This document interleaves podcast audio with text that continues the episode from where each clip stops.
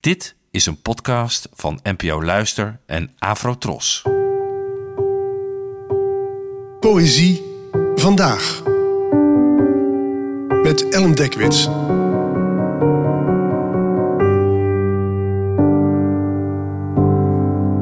Hallo, fijn dat je luistert. Het gedicht van vandaag heet Verleiding en werd geschreven door de Roemeense dichteres Nina Kassian, geboren in 1924 en overleden in 2014, en vertaald door Brenda Walker, André Deletant en mij. Verleiding. Noem jij jezelf levend? Ik beloof je dat je straks voor het eerst je poren je voelt openen, als mondjes van vissen, en dat je daadwerkelijk in staat bent om je bloed door al haar banen te horen razen. En je voelt het licht glijden door je hoornvlies als de sleep van een japon.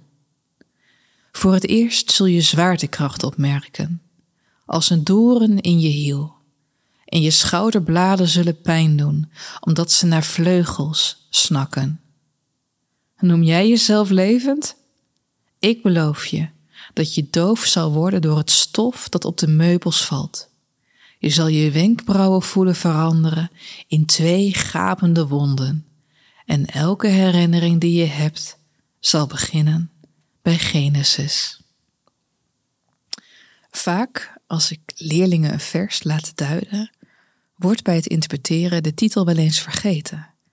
Terwijl die er natuurlijk ook niet voor niets aan wordt toegevoegd. En soms ook, in het geval van titelloze versen, niet voor niets wordt weggelaten. En bij de tekst van de Romeinse dichteres Nina Cassian is er echter wel een titel, die bepalend is voor wat er hier gebeurt. De titel is Verleiding en wordt gevolgd door een uitdaging. Noem jij jezelf levend? wordt er aan de lezer gevraagd. En dan is er een belofte dat de aangesprokene opeens zijn of haar lichaam veel intensiever zal ervaren.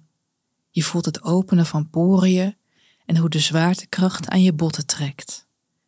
De zintuigen zullen zozeer worden aangescherpt dat je stof hoort vallen en licht door je ogen voelt storten. En dat niet alleen. Het hele arsenaal van je herinneringen zal beginnen bij Genesis, oftewel bij de startpagina van de schepping. En als er hier geen titel was geweest, dan zou het nog wel onduidelijk zijn wat voor belofte er hier wordt gedaan. Je zou dan ook kunnen beredeneren dat het hier gaat om iemand die een ander zoveel geweld aan wil doen dat diens wenkbrauwen in gapende wonden zullen veranderen.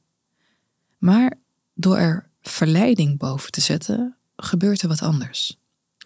Het kan dan de belofte worden van een minnaar of minnares die zich aanbiedt.